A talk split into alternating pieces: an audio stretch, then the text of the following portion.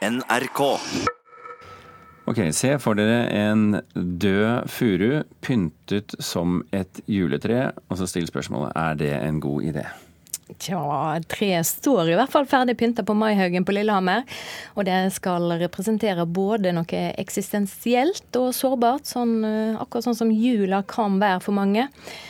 De siste ti åra har utvalgte kunstnere, arkitekter og designere pynta det tradisjonsrike juletreet på Maihaugen. Årets juletre er skapt av maleren og skulptøren Kjell Erik Killi Olsen. Han vil hylle det som er annerledes. Hvor skal du sitte hen, da? Han er liksom ikke tilfreds.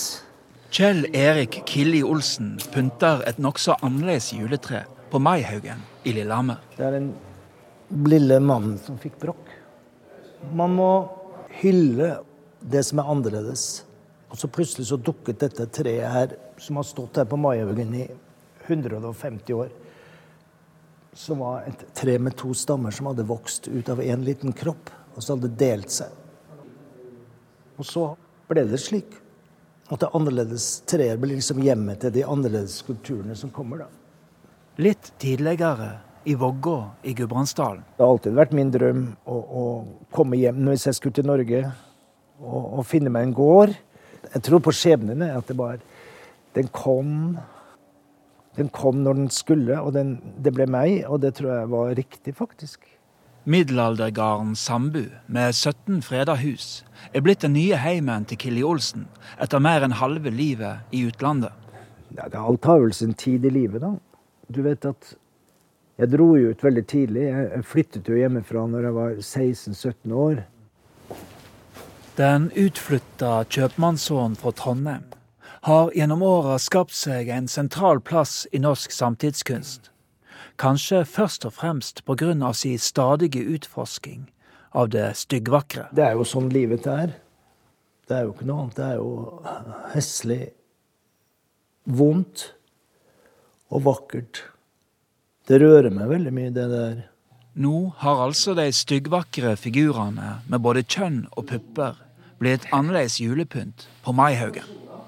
Gutten som har så tunge sokker Så han klarer ikke helt å gå. Da. Han bærer på en byrde. Jeg hadde ikke alltid sånne hyggelige juler. For det første var jeg enebarn med en, en veldig fantastiske foreldre, men det var jo ikke alltid at jeg så det slik. Og de hadde jo sine problemer. For Killi Olsen har annerledeskjensla vært en del av livet så lenge han kan huske. Den har nok alltid vært der. Alltid vært der. Alltid vært der. Og når nå det annerledes i juletreet har skapt tilløp til både forargelse og begeistring i Lillehammer i førjulstida, er dette helt etter planen til kunstneren.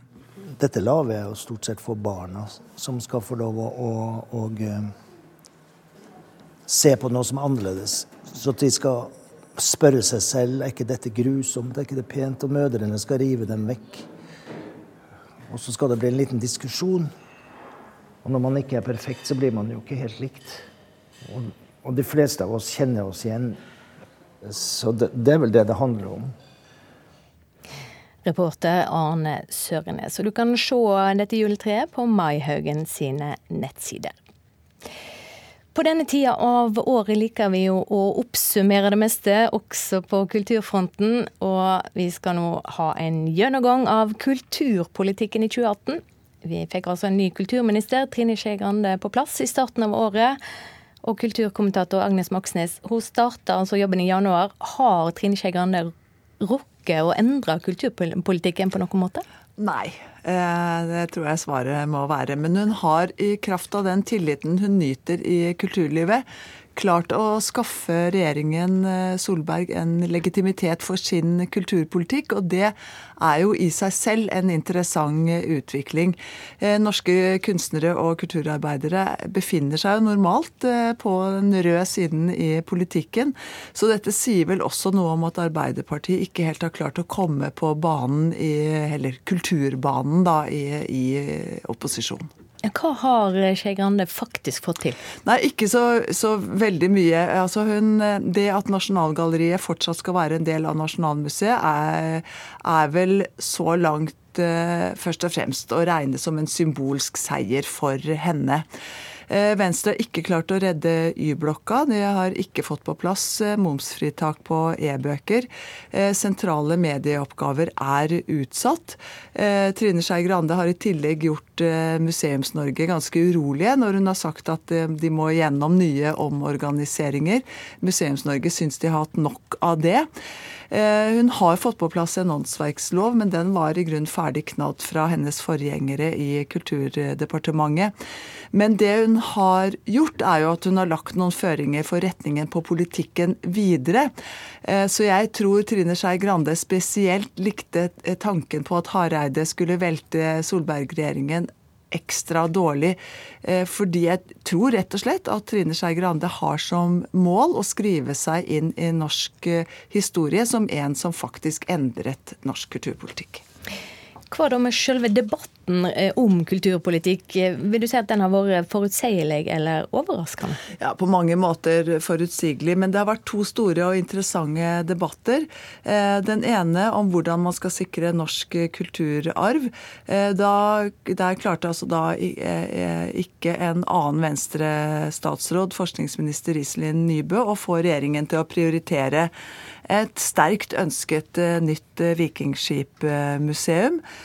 Um, og så er det den andre debatten som pågår nå, faktisk. og Det, det handler da om en teateroppsetning, 'Ways of Seeing', som ble vist på Black Box teater i høst.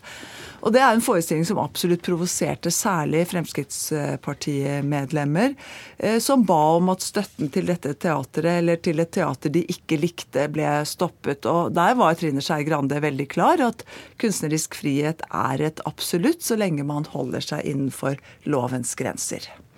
Men om eh, kulturministeren får det slik hun vil, hva kommer du til å si i denne oppsummeringa på samme tid til neste år?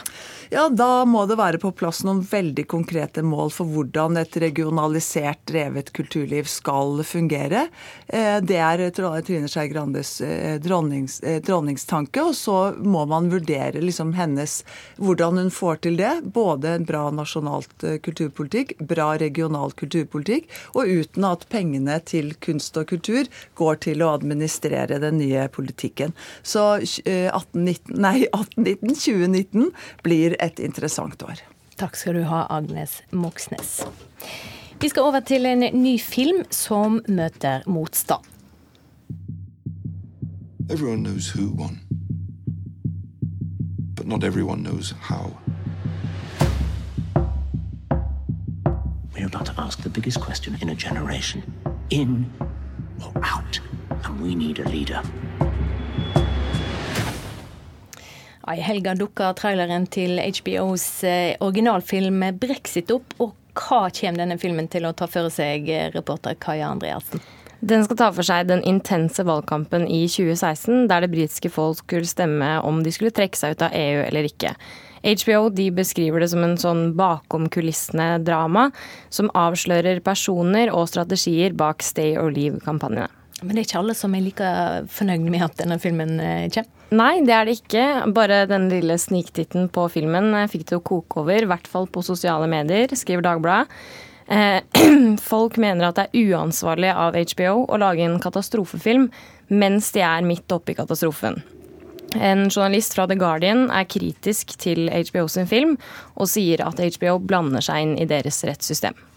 Så skal vi snakke om en tysk stjernereporter, Claes Relotius. Eh, han er i trøbbel.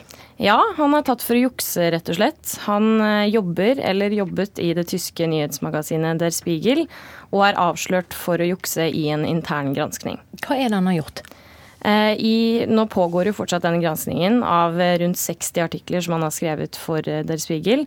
Eh, på hvor mange han har jukset med, rett og slett. Men han innrømmer selv at han helt eller delvis har fabrikkert eh, rundt 14 av de.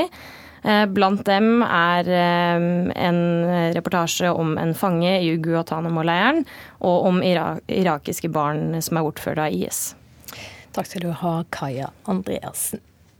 Så til den libanesiske filmen 'Kapernaum', som vant juryprisen under Cannes-festivalen i 2018.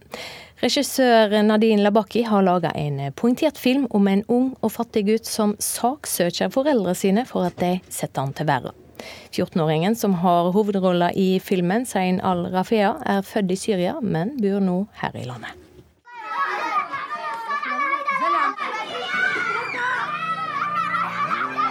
Bør lutfattige foreldre få mange barn?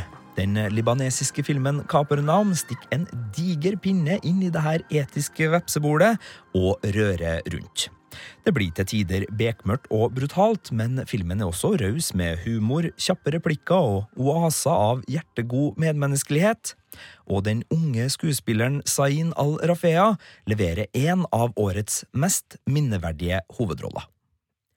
Kapernaum starter og slutter i rettssalen, hvor Zain, spilt av Zain al-Rafea, har stilt sine egne foreldre for retten fordi han ble født.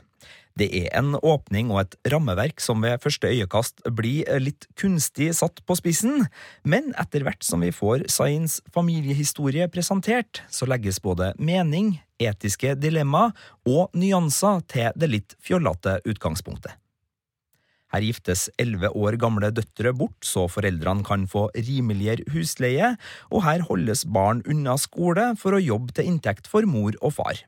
Det er situasjoner vi har hørt om før, og som kan ha en viss økonomisk logikk, men her får vi se det fra barnas perspektiv, og da strippes foreldrenes fortvilte familieplanlegging ned til en brutal behandling av mennesker.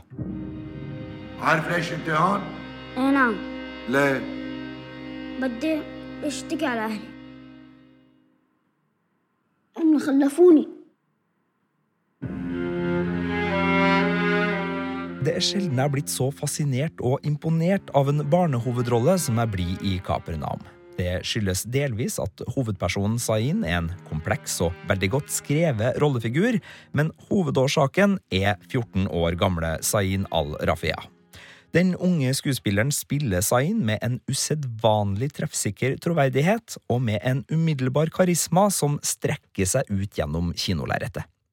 Han følges tett av et bevegelig kamera som lar oss flyte på skuldrene til Zain i hans svært kummerlige omgivelser.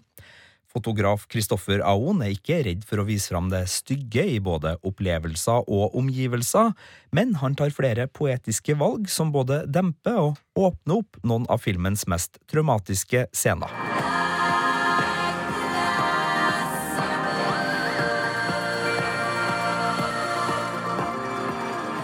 Flere av de beste øyeblikkene i Kapernaum vil være med meg resten av livet. Det gjelder alt fra oppofrende søskenkjærlighet, via et fantastisk møte med en bygdeoriginal superhelt på bussen, til de forferdelige ordene et sammenbrudd kan skvise ut av en fars forsvarstale.